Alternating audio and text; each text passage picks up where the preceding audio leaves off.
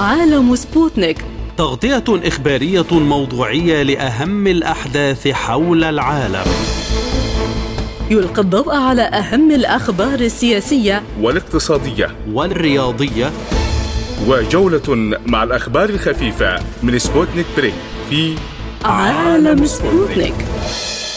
أهلا بكم مستمعينا الكرام في حلقة جديدة من عالم سبوتنيك. يسعد بصحبتكم في هذه الحلقة عبد الله حميد ونوران عطلة والبداية مع أبرز العناوين.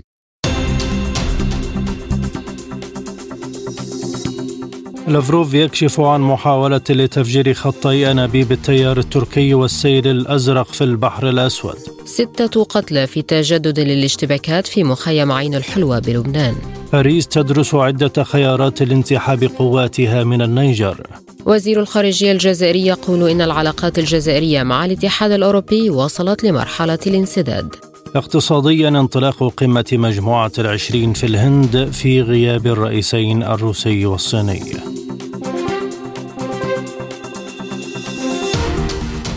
إلى التفاصيل. قال وزير الخارجية الروسي سيرجي لافروف إن لدى روسيا معلومات تشير إلى محاولة تفجير خطي أنابيب الغاز التيار التركي والسيل الأزرق في البحر الأسود. جاء ذلك خلال اجتماع لافروف مع ممثلي الرابطة البنغلاديشية لخريجي الجامعات السوفيتية والروسية في السفارة الروسية ببنغلاديش. وأضاف أنه عندما يطالب الجميع بالسماح لهم بتصدير الحبوب مرة أخرى فإن موسكو ببساطة لن تسمح لهم بالمرور عبر الممرات الإنسانية التي تم فتحها من قبل واستخدمت في محاولات لمهاجمة ليس فقط السفن الروسية العسكرية ولكن أيضا السفن المدنية. وأوضح أن أوكرانيا استخدمت الممرات الإنسانية علاوة على ذلك في مهاجمة السفن الحربية التي كانت تقوم بدوريات على مسار خطوط أنابيب الغاز التيار التركي والسيل الأزرق التي بدأت دورياتها في هذه الأجزاء من البحر الأسود بسبب معلومات تفيد بمحاولات أوكرانية لتفجيرها تماما كما فجروا السيل الشمالي. للمزيد من المتابعة ينضم إلينا من بيروت العميد هشام جابر الخبير العسكري والاستراتيجي. بعد التحية سيادة العميد من الجهات التي تقف خلف محاولات تفجير أنابيب الغاز الروسي في البحر الأسود؟ من هي الجهات؟ حتما الجهات المعادية لروسيا يعني ويعني بشكل عام الدول التي حرضتها أمريكا على دفع أوكرانيا وأوكرانيا على الحرب في أوكرانيا ومتابعة الحرب ضد روسيا. هذا شيء طبيعي. ليس هناك فريق ثالث بهذا الموضوع. وعندما نسمع أنه كمان أمريكا ستزود أوكرانيا بأورانيوم مخصب معنى ذلك هناك تطور خطير يعني وأوكرانيا والولايات المتحدة الأمريكية تريد متابعة الحرب مع روسيا آه، آه، بوسائل أخرى. أولا تستعمل أوكرانيا كساحة وتستعمل أوروبا وحلفائها آه، والدول المحيطة بأوكرانيا والشعب والجيش الأوكراني للقتال في هذه الحرب. شيء طبيعي جدا منتظر من الولايات المتحدة الأمريكية وسيما أن الرئيس الأمريكي على أبواب انتخابات جديدة وسمعنا اليوم يعني بعد زيارة بلينكن آه، إلى آه، أوكرانيا أنه آه، سيتابع الولايات المتحدة الأمريكية ستتابع الحرب في أوكرانيا أو دعم هي هو يقول دعم أوكرانيا حتى النهاية. أي ما هي النهاية يعني؟ أنا أنتظر مزيدا من التصعيد من الجانب الأوكراني بتحريض أمريكي و ربما يعني بالإضافة إلى الأسلحة الجديدة التي تحدث عنها الجميع وطلب تزويدهم ال 16 وصواريخ بعيدة المدى إلى آخره. فأنتظر أيضا تصعيدا آه، في هذا الموضوع. أما آه، تفجير أنابيب الغاز في البحر الأسود هذا شيء طبيعي موجه ضد روسيا وضد وضد أوروبا حتى وضد الدول التي تصلها يصلها هذا الغاز. أمريكا يا عزيزتي ما ليست متأثرة بهذا الحرب ابدا اطلاقا هي بعيدة. إنما من يدفع الثمن؟ يدفع الثمن أوروبا اقتصاديا وبشريا ومعاناة وماديا ويدفع الثمن في نفس الوقت الشعب والجيش الأوكراني. نعم. ما هي خيارات موسكو للرد على هذه المحاولات؟ والله أنا برايي أن موسكو خيارات عديدة نستعملها بعد هل أرد على هذه المعاملة للقيادة الروسية أن آه، تقرر كيف سترد على تفجير؟ هذا برايي هذا عمل إرهابي اولا تفجير انابيب الغاز لا يدخل ليس عمل عسكري بل عمل نوعي تقوم به آه، أو تنظيم إرهابي أو أو استخباراتي يعني عملية استخباراتية وليست عسكرية محض. كيف سترد موسكو؟ هذا أنا برأيي موسكو لديها خيارات عديدة هي تدرس الخريطة العسكرية وترى تتخذ مواقف دبلوماسية سياسية اقتصادية عسكرية. لا أستطيع أنا لا أن أنصح ولا أن أتنبأ بها. بل ان معوزتنا موسكو يعني تجاه كل إجراء وتصعيد آه، تستطيع أن تأخذ آه، إجراء ما بمواجهة هذا التصعيد. اليوم نتحدث عن البحر الأسود، أنا أخشى أيضا أن يتعرض بحر البلطيق ولينينغراد كلينينغراد يعني الكل يعلم أنها هي هي قاعدة الأسطول الروسي في بحر البلطيق والطريق إليها تمر عبر ليتوانيا فإذا قام الغرب بتحريض ليتوانيا على عرقله وصول الشاحنات الروسية التي تعبر بالمئات يوميا إلى كالينينغراد فأعتقد أن موسكو سيكون ساعة إجراء عسكري وليس دبلوماسي. تجاه ليتوانيا التي هي عضو في الحلف الأطلسي نعم. لافروف أكد أن كييف استخدمت الممرات الإنسانية في البحر الأسود لأغراض عسكرية. لماذا تسعى كييف للتصعيد في البحر الأسود؟ وهل يتحول البحر الأسود فعلا لساحة مواجهة عسكرية شاملة بين روسيا والغرب؟ اولا البحر الأسود كما تعلمين يعني تسيطر عليه عسكريا البحرية الروسية. إنما البحر الأسود غير آمن. الكل يعلم لأنه هناك عمليات عسكرية يمكن أن تحصل وكل كل يعرف أوديسا والموانئ الأوكرانية كيف وضعها، استطاعت موسكو أن تحقق ممرات إنسانية لنقل الحبوب وكلنا نعرف برعاية آه، أو بوساطة تركيا واليوم البحر الاسود لا يمكن اغفاله اطلاقا. يعني ليس موسكو ستتضرر يتضرر الجميع. تتضرر أوكرانيا. اولا تتضرر أوروبا. وتتضرر أفريقيا والدول التي ترسل إليها موسكو آه، قمحا مثلا فكيف بالغاز؟ الغاز إلى أين يذهب الغاز الروسي؟ ترينا هذه الدول التي تتزود بالغاز الروسي عبر البحر الأسود هي التي ستدفع الثمن هلأ كيف سيكون؟ يفترض يفترض أن المجتمع الدولي أن يحيد آه، موضوع آه، النقل أو التنقل أو في البحر الأسود عن الأغراض العسكرية وهذا ما اشترطته موسكو يعني سمحت بتصدير القمح وتصدر الغاز إنما لا تريد أن يكون مسرحا أيضا ويستغل البحر الأسود لدعم دعم الجيش الأوكراني بطريقة أو بأخرى لمتابعة الحرب على الأرض الأوكرانية. كيف تنعكس هذه التطورات على استئناف صفقة الحبوب؟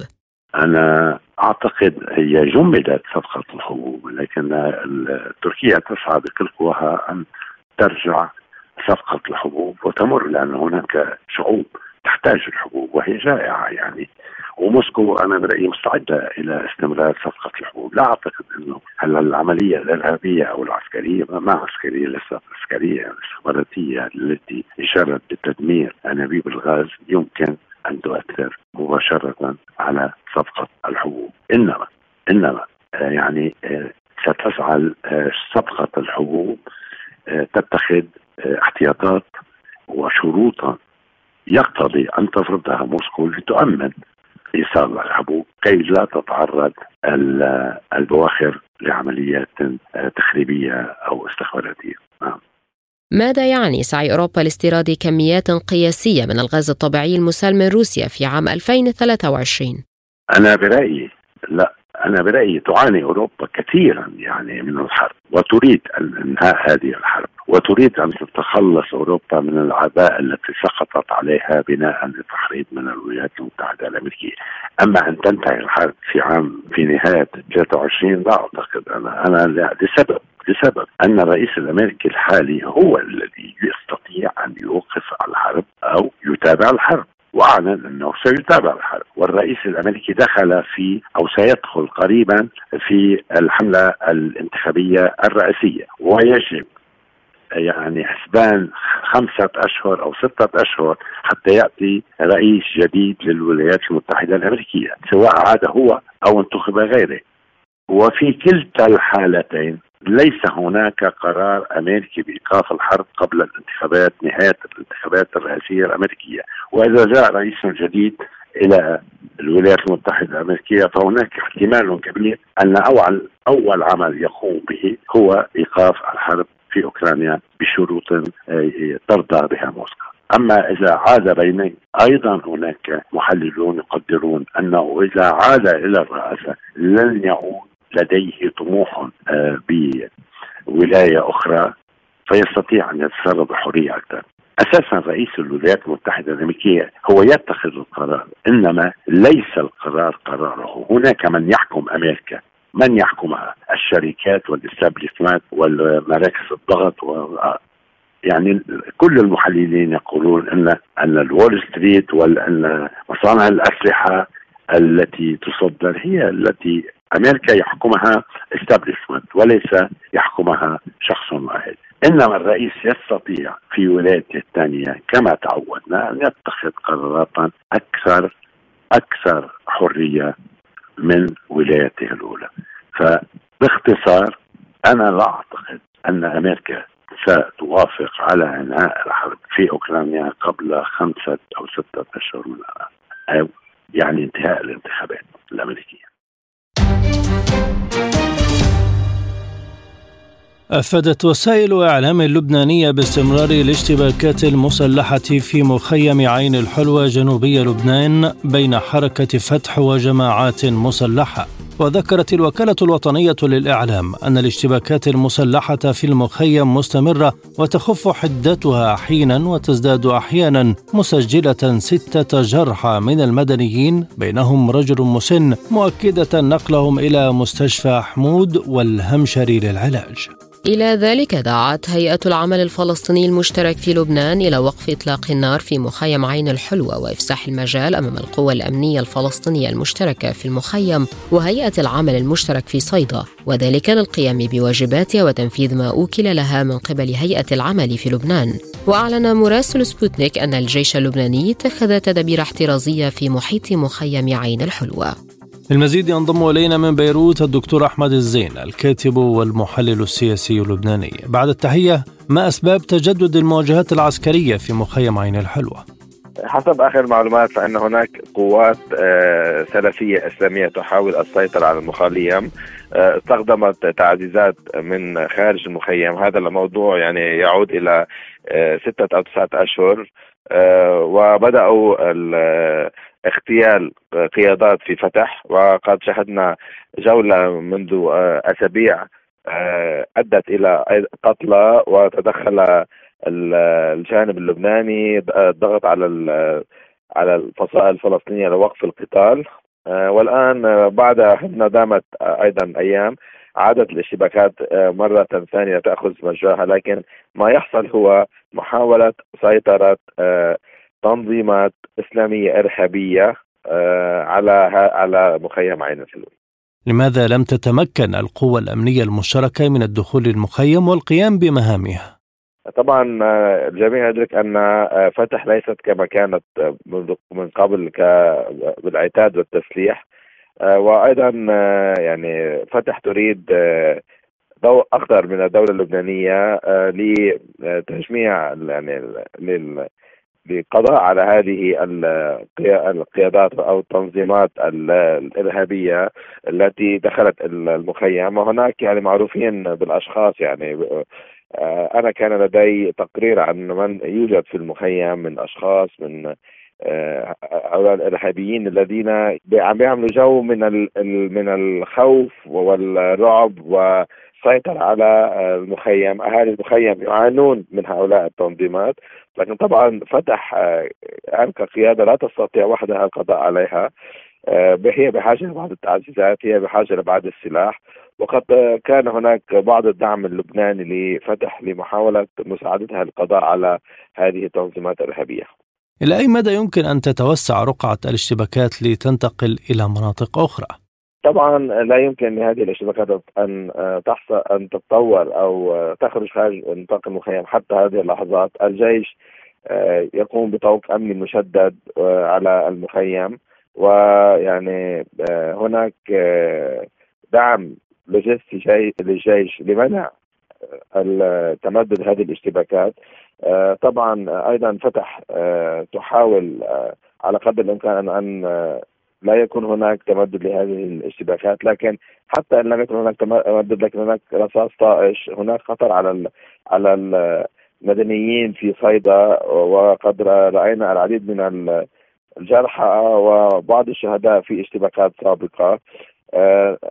طبعا هذه الظاهرة أعتقد أنها ظاهرة خطيرة و يعني ذهاب ذهاب المقاتلين الإسلاميين إلى عندما أتكلم اسلامي أتكلم عن مقاتلين آه، لديهم آه، عقلية داعش إلى المخيم تسللهم آه، فعلا خطير وهناك قلق لبناني من هذا الموضوع وأعتقد أن الأحزاب اللبنانية والجيش اللبناني يريد مساعدة فتح على القضاء على هذه الظاهرة الخطيرة.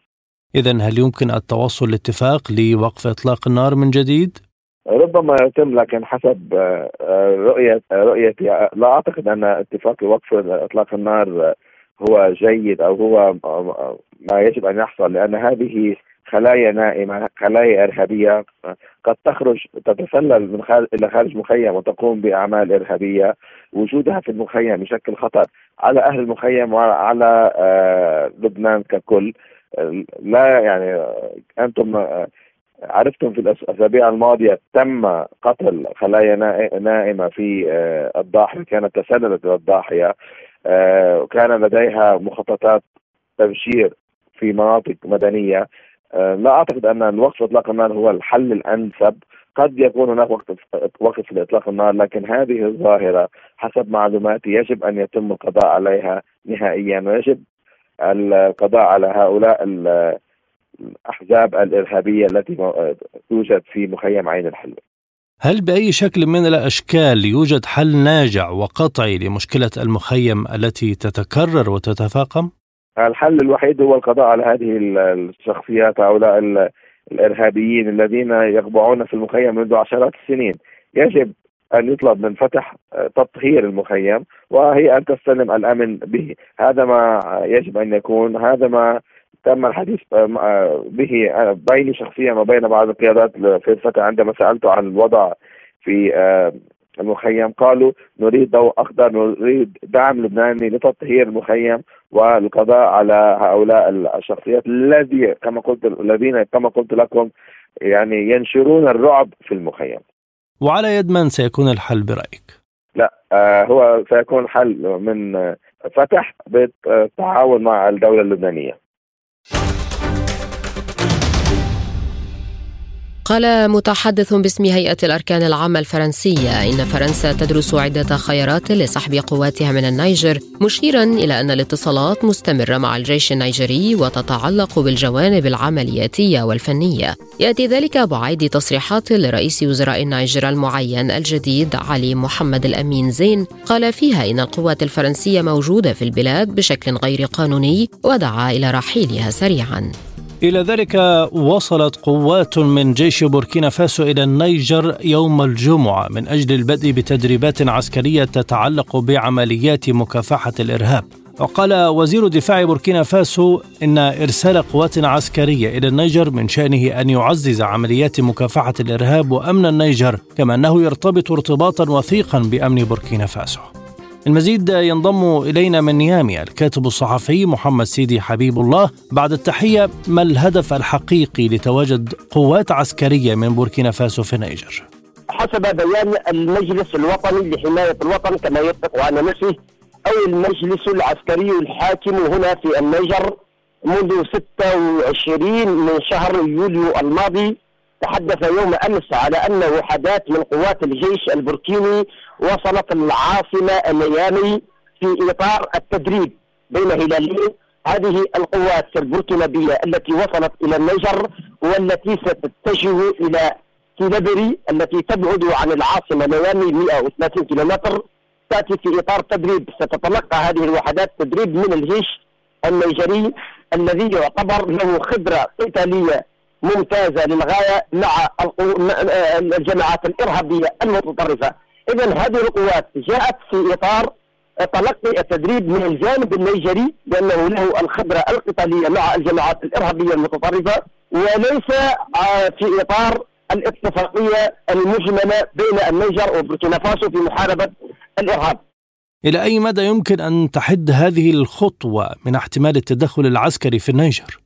هذه الخطوة لا علاقة لها بالتدخل العسكري حسب بيان الذي تلقيناه يوم أمس من المجلس العسكري أو من وحدة الاتصال برئاسة الدولة التابع للمجلس العسكري الحاكم بالنيجر ذكر بأن هذه الوحدات جاءت من أجل تلقي التدريب من جيش النيجر الذي يعتبر أنه له خبرة آه، في مجال محاربة آه، آه، الإرهاب لأن النيجر شهدت عديد الهجمات الإرهابية المتتالية لعدة سنوات، إذا هذه الوحدات جاءت من أجل تلقي التدريب والكفاءة القتالية العالية من الجانب النيجري، ولا علاقة لها بما يتداول في منصات التواصل الاجتماعي بأنها جاءت ترقبا أو تحسبا لأي هجوم من إقواس أو غيره. ما مدى جدية إعلام باريس أنها تدرس عدة خيارات لانسحاب قواتها من البلاد؟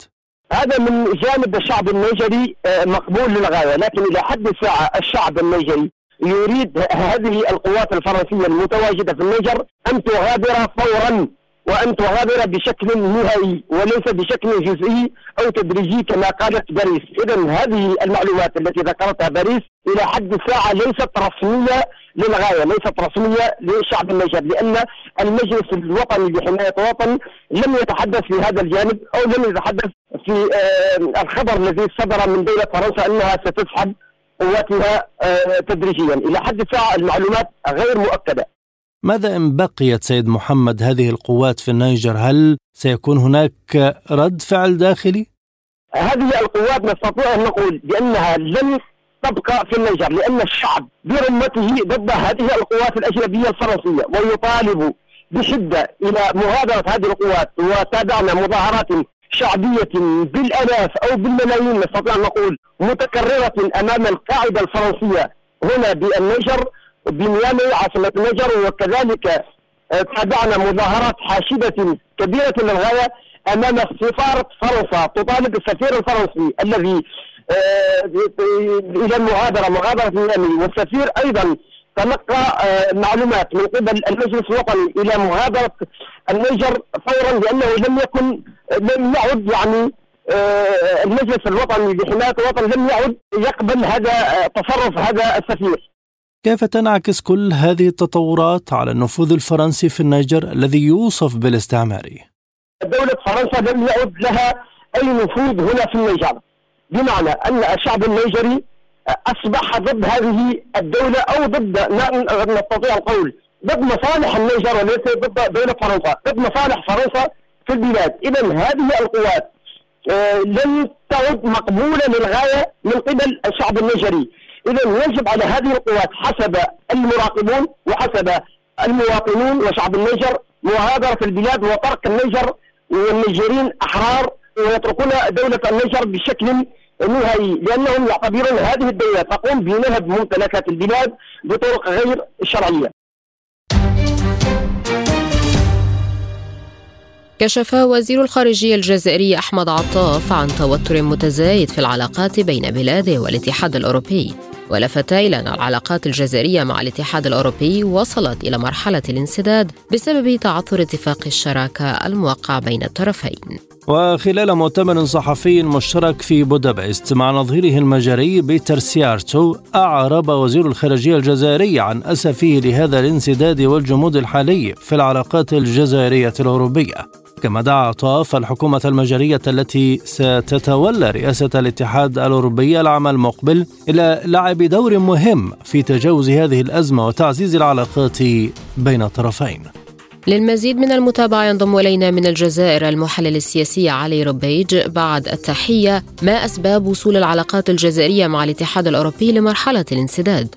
نعم أنا أعتقد أن وزير الخارجية لما وصل إلى هذا الاستنتاج هو بسبب تراكم الخلافات الجزائرية الأوروبية. ربما واحدة من الأشياء التي آه، أغضبت الاتحاد الأوروبي هو دعوة رئيس الجمهورية لمراجعة وإعادة النظر في اتفاقية الشراكة الأورو متوسطية التي وقعتها الجزائر مع الاتحاد الأوروبي 2001 هذه الشراكة للأسف الشديد بعد كل هذه العقود اكتشفنا بأنها كانت لصالح الاتحاد الأوروبي. النقطة الثانية وفيما يتعلق بمواقف الاتحاد الأوروبي في خاصة اللوائح البرلمان الأوروبي التي لطالما تحرشت بالجزائر من خلال اللوائح والقرارات التي تصدر هذا البرلمان التي تدين الجزائر في كل مرة سواء مرة باسم حقوق الإنسان مرة بإعطاء حق للحركة الانفصالية مرة باسم الصحافة وحرية التعبير وهي كلها تقارير كيدية تريد الشر بالجزائر وتريد أن تشوه صورة الجزائر. النقطة الثالثة التي أساءت هذه العلاقة هي اعتماد الاتحاد الأوروبي على سياسة الهروب إلى الامام وعدم مواجهة المشاكل وعلى رأسها ملف الهجرة. ملف الهجرة يخلق مشكل كبير وخلق مشكل بيننا وبين الاتحاد الأوروبي بسبب أن الاتحاد الأوروبي يدعو دائما إلى إقامة حشود أو سميها تجمعات لهذه ال ال ال ال ال الأعداد الكبيرة من النازحين والمهاجرين من جنوب الصحراء ومنطقة الساحل وأن تكون هذه هذه التجمعات أو المخيمات أو سميها ما شئت تكون على التراب الجزائري والتونسي والليبي ولكن كان الرفض الجزائري واضح في هذه المسألة وضغطنا وطلبنا من التونسيين والليبيين برفض هذه المسألة وتم هذا. النقطة الرابعة التي كذلك آه، تشوش على العلاقات الجزائرية الأوروبية هو عزوف الشركات ورجال الأعمال الأوروبيين للاستثمار في الجزائر هذا العزوف وهذا الرفض وهذه السياسة خلت الجزائر تكتشف بأن هذه الشراكة ليست قائمة على الندية ولا على قاعدة رابح رابح بل هي كانت دائما لصالح الشركات والمستثمرين الأوروبيين.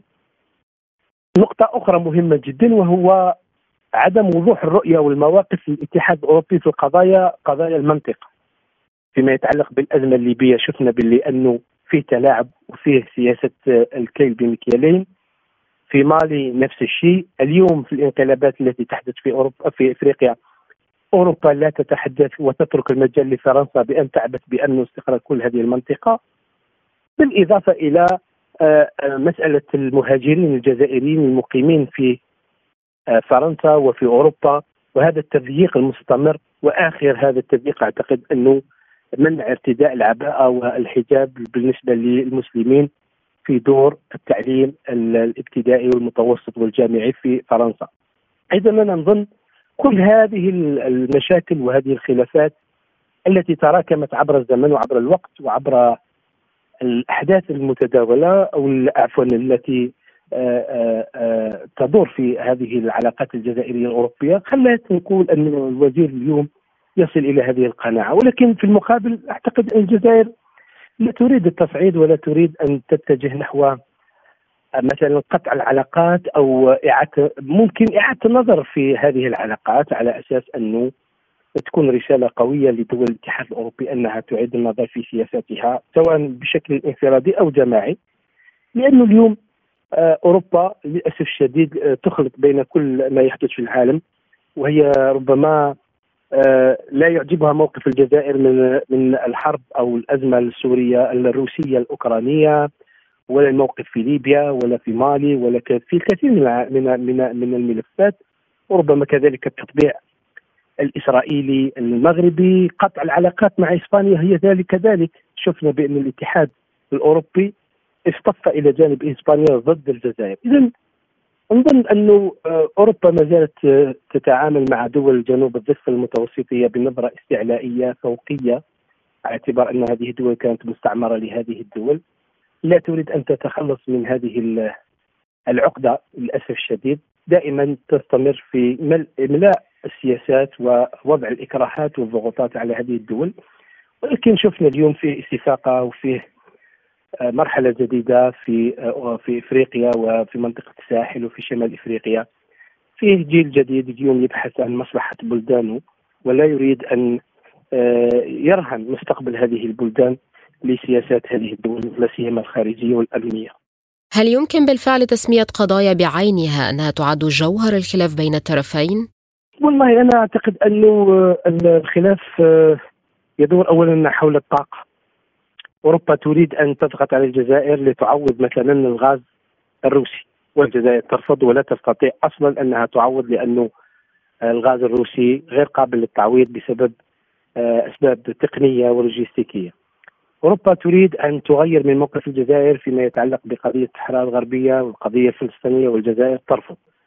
أوروبا تريد أن تجعل من هذه الدول دول شمال إفريقيا كما قلت لك آه، هي آه، حارس أو شرطي المنطقة يمنع وصول هؤلاء المهاجرين إلى هذه الدول وتكتفي بتقديم بعض المساعدات السورية والرمزية فقط وهي تحقق مصالحها على حساب معاناه وضعف هذه هذه الدول.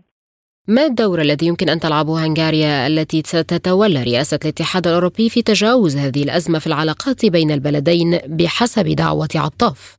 والله التصريح الأخير لدولة مجر فيما يتعلق بموقف الجزائر ومبادرة الجزائر للحزم الازمه في النيجر في العادة أننا ليس لا لا لا ليس لنا مشاكل كثيرة مع مع المجر ربما هذه فترة وفرصة لنا أننا نفتح صفحة جديدة على الأقل برئاسة مجر للاتحاد الأوروبي لإصلاح ما يمكن إصلاحه في هذه العلاقات المتدهورة أصلا يعني بمعنى أنه الاتحاد الأوروبي لا يعاني فقط في مشاكل مع الجزائر، أعتقد أنه مع كل دول المنطقة ولا سيما منطقة شمال إفريقيا. الاتحاد الأوروبي هو الآن يخضع لتجاذبات بين شرق أوروبا وبين غرب أوروبا للأسف الشديد وبين فرنسا وبين ألمانيا خروج بريطانيا لم نعد لم لم لم نعد نتحدث عن الاتحاد الأوروبي ككتلة سياسية وكتلة اقتصادية قوية بالعكس هو هو أصلا يعاني. وشفنا في أزمة كورونا كيف كانت تلك الاختلالات العميقة ووصولها إلى حد عودة تثبيت الحدود عن طريق الأسلاك الشائكة. اذا كل هذه تعبر على أساس أنهم ليسوا على قلب رجل واحد وليست لهم سياسة واحدة بل هي سياسات قطرية وطنية. كل دولة تبحث عن مصلحتها. فلهذا الجزائر ليست مستعدة أن تتنازل عن مصلحتها لصالح هذه الدول. ما مصير اتفاق الشراكة بين الجزائر والاتحاد الأوروبي الذي تدعو الجزائر لتعديله؟ والله أنا أعتبر أنه آه، أصبح في في في في في في في المجهول بمعنى أنه أو خلينا نقول في اللا وجود بمعنى بالنسبة للجزائر لم يعد آه، لهذا الشراكة تأثير على أرض الواقع بسبب قلت لك ضعف التعاملات الاقتصادية، ضعف ضعف الاستثمار الأوروبي في الجزائر، غياب رؤية واحدة في أوروبا تجاه هذه المنطقة، إذا هذا كله يخلينا نعتقد بأن هذا الاتفاقيه قد ألغيت ولم تعد صالحة، ولهذا الجزائر ستعول على شركاء آخرين في إطار مقاربة تنويع الشركاء مع روسيا مع الصين مع تركيا مع دول أخرى. وهنا في الأخير أوروبا هي من ستخسر لأن اليوم هذه المنافسة التي تبديها الشركات الروسية والتركية والصينية والأمريكية أكيد ستصنع لنفسها موقع في هذه الدولة وفي دوله في دول شمال إفريقيا وفي الأخير أكيد ستتحسر أوروبا بعد ضياع الوقت وستندم حين لا ينفع الندم.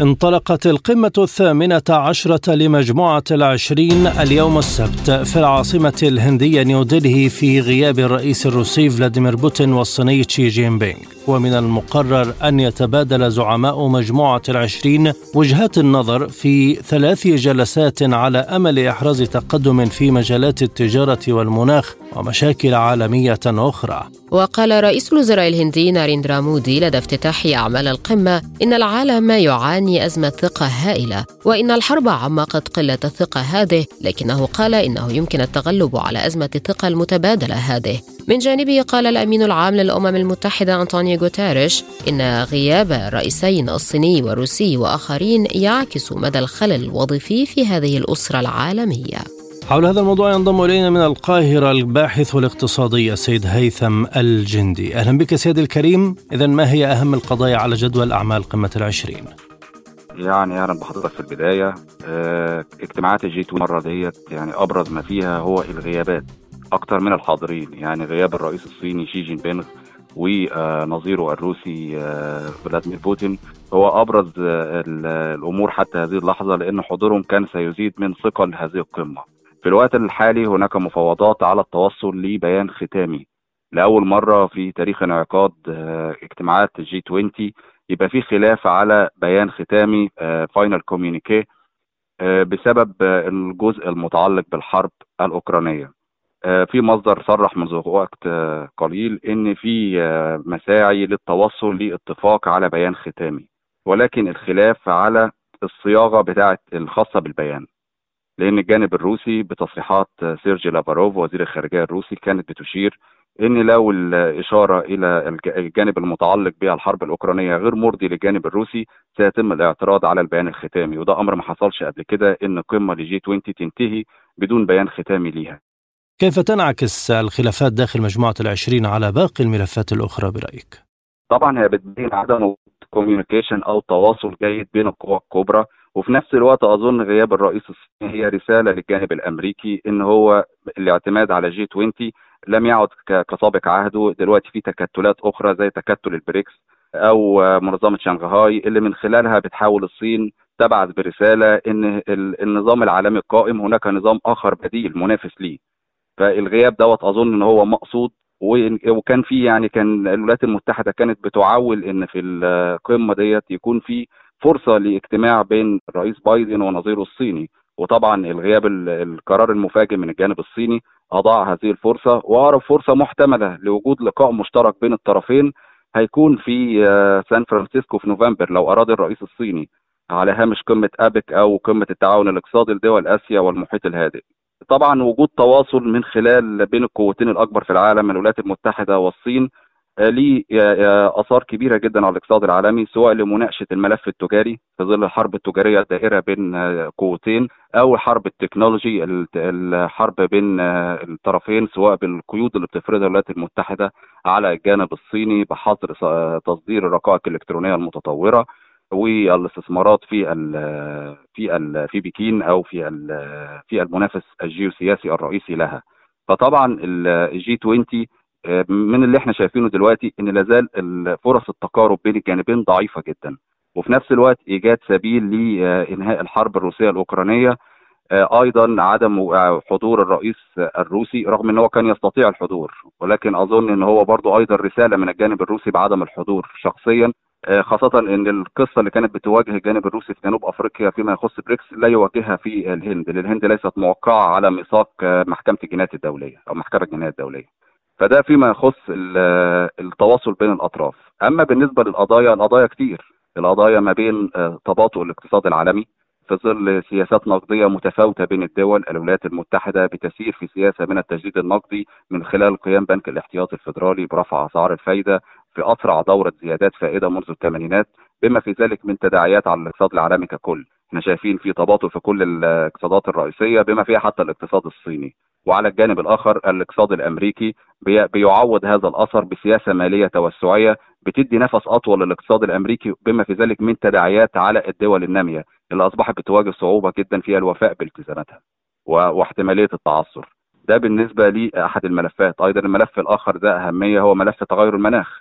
أكبر دولتين مسؤولين عن الانبعاثات الكربونية هم الولايات المتحدة والصين. أيضا الدول المتقدمة وحدها مسؤولة عن غالبية ما يسمى بالبصمة الكربونية وبالتالي مطلوب إن يكون هناك تنسيق جيد بين الاقتصادات الرئيسية خاصة مع قدوم القمه القادمة كوب 28 في الإمارات.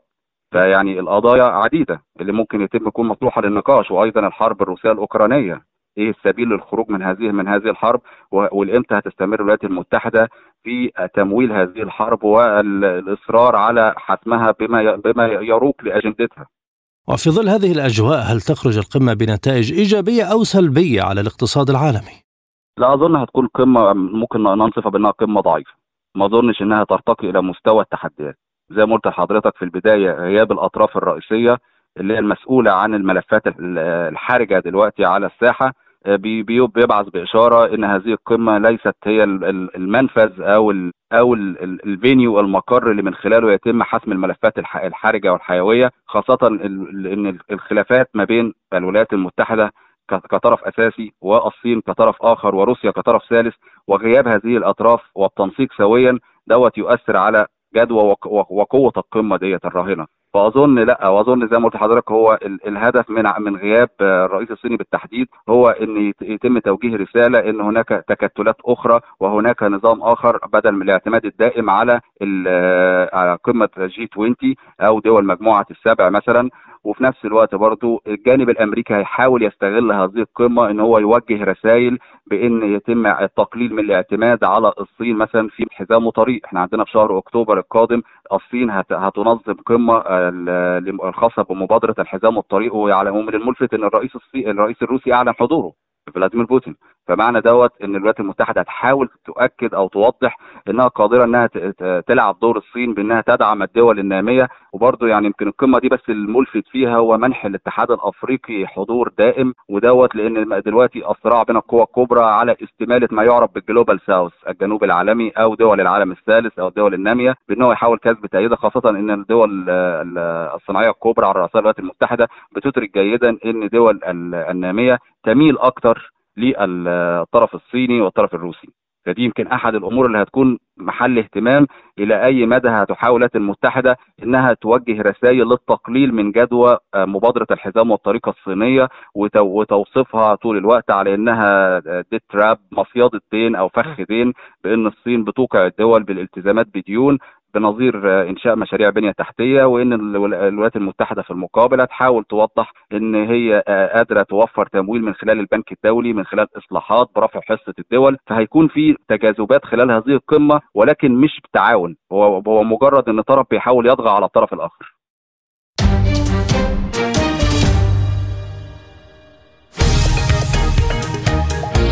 عالم سبوتنيك يغطي جميع الأحداث السياسية والاقتصادية والرياضية حول العالم. على مدار ساعة تتابعون عالم سبوتنيك مع أهم خبراء التحليل السياسي والاقتصادي. نقترب معكم في متابعة دقيقة من القضايا السياسية والاقتصادية. كما نستعرض أهم الأخبار الرياضية والفنية والبيئية. انتظروا عالم سبوتنيك أيام الجمعة والسبت والأحد من كل أسبوع. ملفات ساخنة. برنامج يسلط الضوء على أهم القضايا الحرجة في العالم. في ملفات ساخنة نستعرض القضايا مع جميع الأطراف ومن كل الزوايا لاستجلاء الحقيقة. ملفات ساخنة. يستضيف أهم الخبراء وأجرأ الضيوف. تابعوا ملفات ساخنة مع راديو سبوتنيك أيام السبت والثلاثاء والخميس من كل أسبوع. الآن مستمعينا إليكم جولة إخبارية حول العالم. قال الرئيس الروسي فلاديمير بوتين إن الصراع في أوكرانيا أثاره المنتقدون وقد تم ذلك من بين أمور أخرى من أجل الحد من تطور روسيا وأضاف في اجتماع مع العلماء الشباب من المركز النووي الفيدرالي الروسي أنهم أثاروا أيضا هذا الصراع في أوكرانيا واستغلوه وأعرب عن اعتقاده أن كل هذا تم بشكل عام عن قصد من أجل خلق ظروف إضافية للحد من روسيا الاقتصادية وتقييد تنمية روسيا. صدت المدفعية الروسية ثلاث هجمات مضادة للقوات المسلحة الأوكرانية في اتجاه كوبيانسك في منطقة سيرجيفكا حسب ما صرح به سيرجي زيبينسكي رئيس المركز الصحفي لمجموعة القوات الغرب الروسية. أضاف أن مدفعية مجموعة زاباد دمرت مدفع هاوزر الأوكراني ومدافع ذاتية الدفع وطاقم هاون في منطقة بروفيسكايا واندريفكا وبشيانايا وكراخمالنايا أفاد الأمين العام للإنتربول يورجن ستوك بأن الإنتربول يشعر بالقلق إزاء الأسلحة التي يتم توريدها إلى أوكرانيا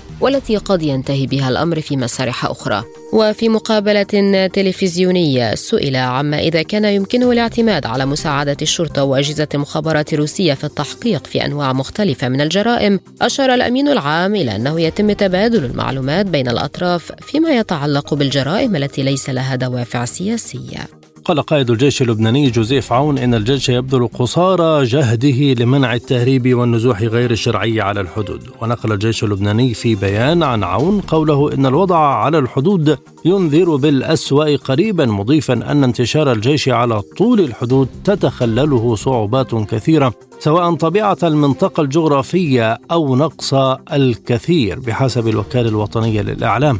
وأكد أن العسكريين اللبنانيين يبذلون قصارى جهدهم لحماية الحدود ومنع عمليات التهريب والنزوح غير الشرعي داعيا كل مشكك لزيارة الحدود والاطلاع ميدانيا على الوضع.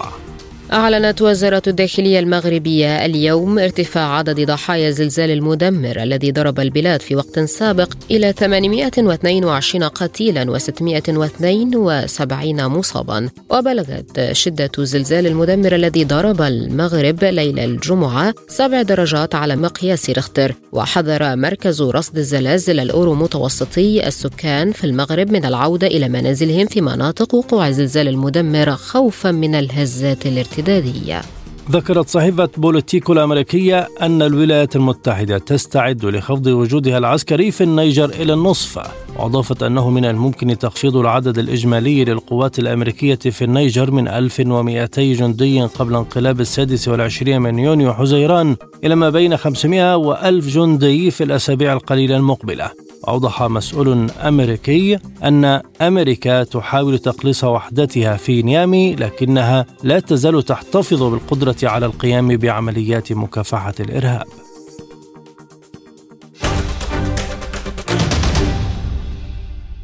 مستمرون معكم وهذه تذكرة بأهم العناوين.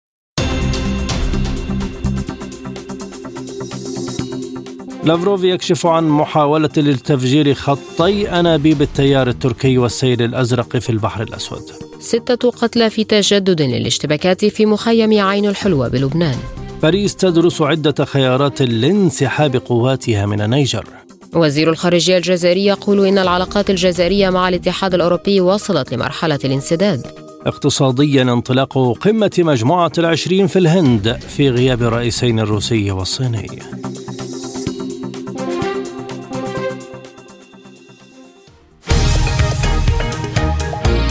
عالم سبوتنيك يغطي جميع الأحداث السياسية والاقتصادية والرياضية حول العالم.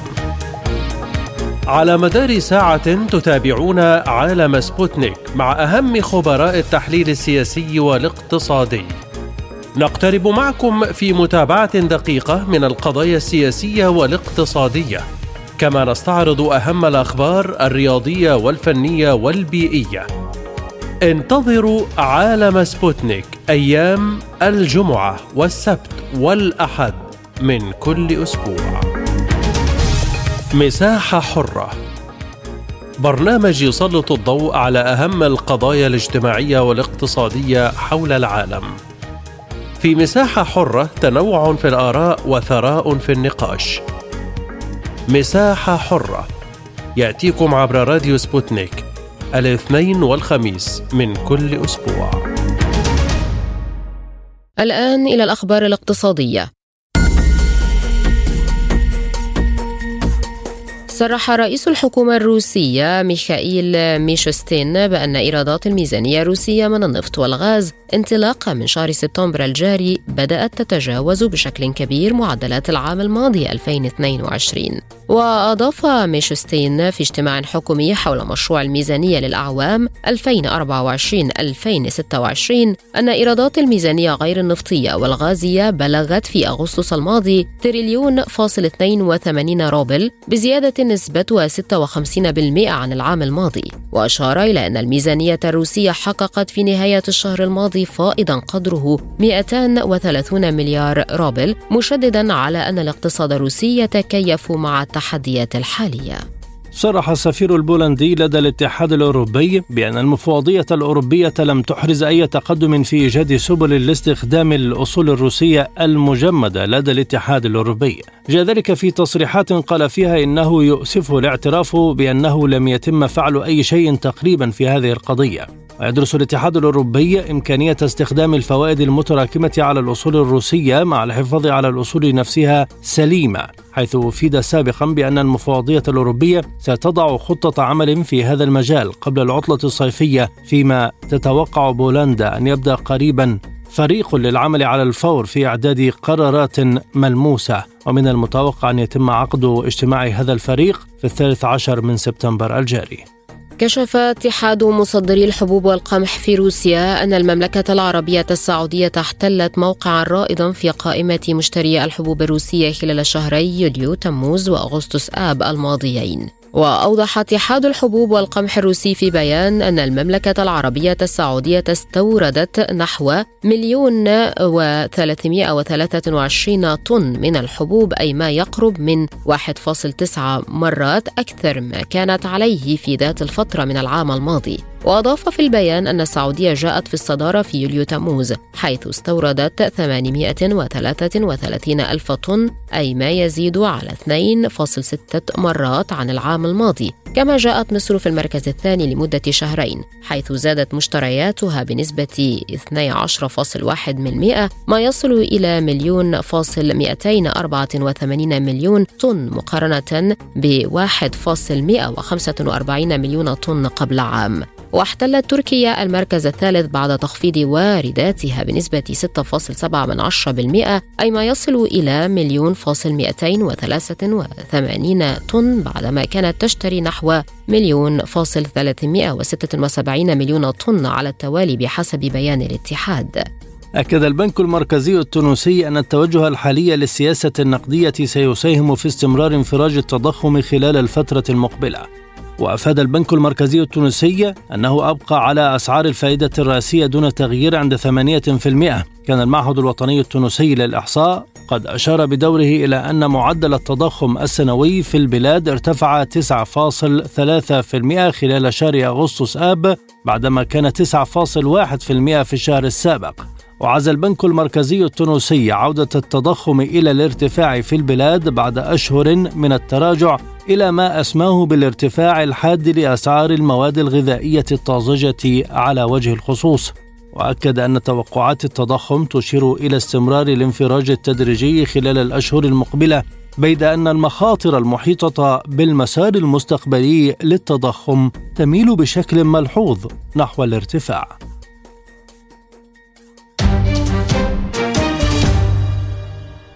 الآن مستمعين إليكم مجموعة من الأخبار الرياضية. أعرب نجم المنتخب البرازيلي نيمار دا سيلفا عن أمله بالفوز بالألقاب مع نادي الهلال السعودي الذي انتقل إليه خلال موسم الانتقالات الصيفية لهذا العام. وأضاف خلال مؤتمر صحفي أن الدوري السعودي لكرة القدم قد يصبح أقوى من الدوري الفرنسي وذلك ردا على سؤال بشأن كيفية استمراره في المنافسة في دوري خارج أوروبا بحسب قوله. وأوضح نجم الهلال السعودي أن كرة القدم في السعودية هي نفسها الكرة المستديرة وأن هناك هدف لكن لا أعلم هل هو أفضل من الدوري الفرنسي أم لا. ولفت نجم المنتخب البرازيلي لأنه ليس من السهل الفوز بالدوري السعودي لتواجد فرق قوية والفرق المنافسة في هذا الدوري أصبحت أقوى ولديها لاعبين مشهورين.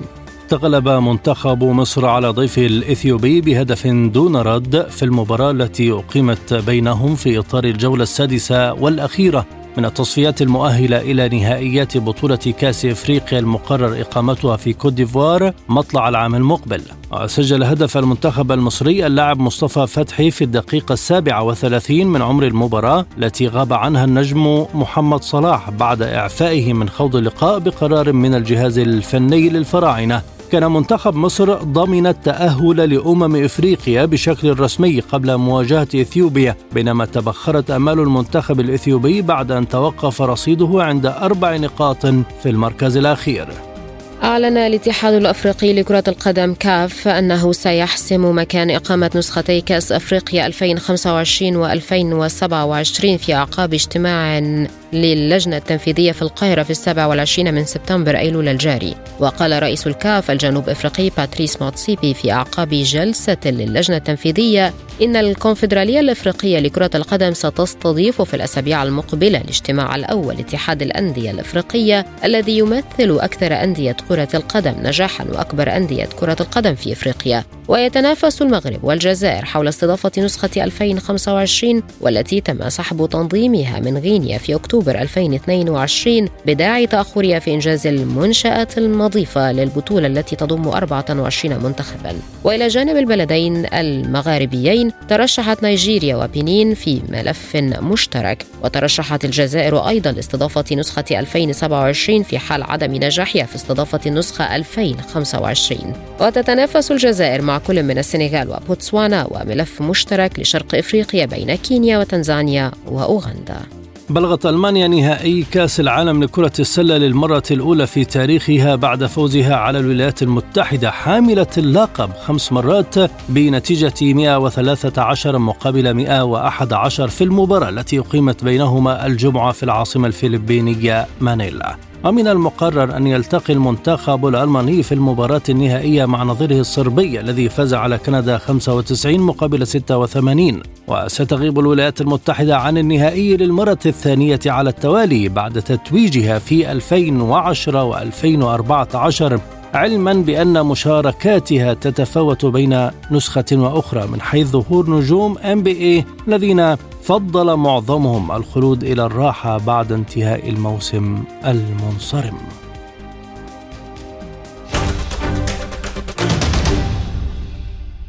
الآن مستمعينا إليكم مجموعة من الأخبار الخفيفة وسبوتنيك بريك.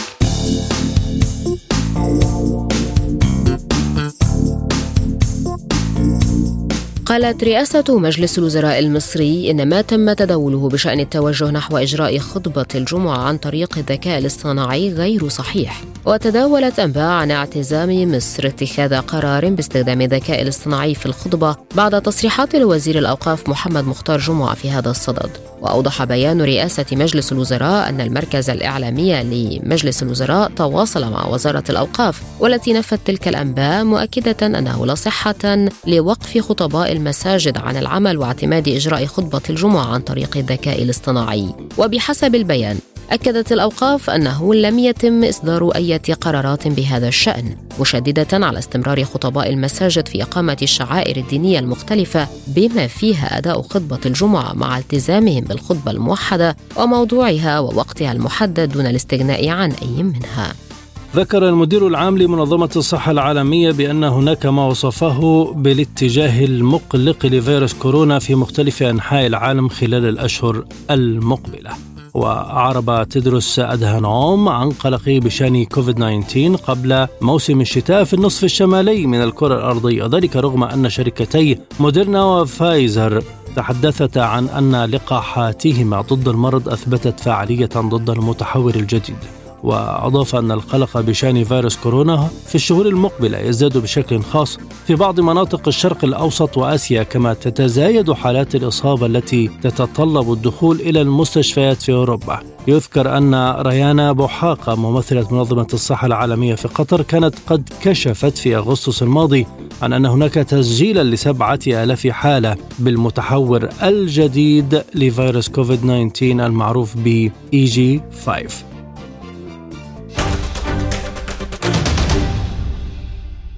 في الختام مستمعينا لا يبقى في هذه الحلقة سوى التذكير بأهم ملفات عالم سبوتنيك.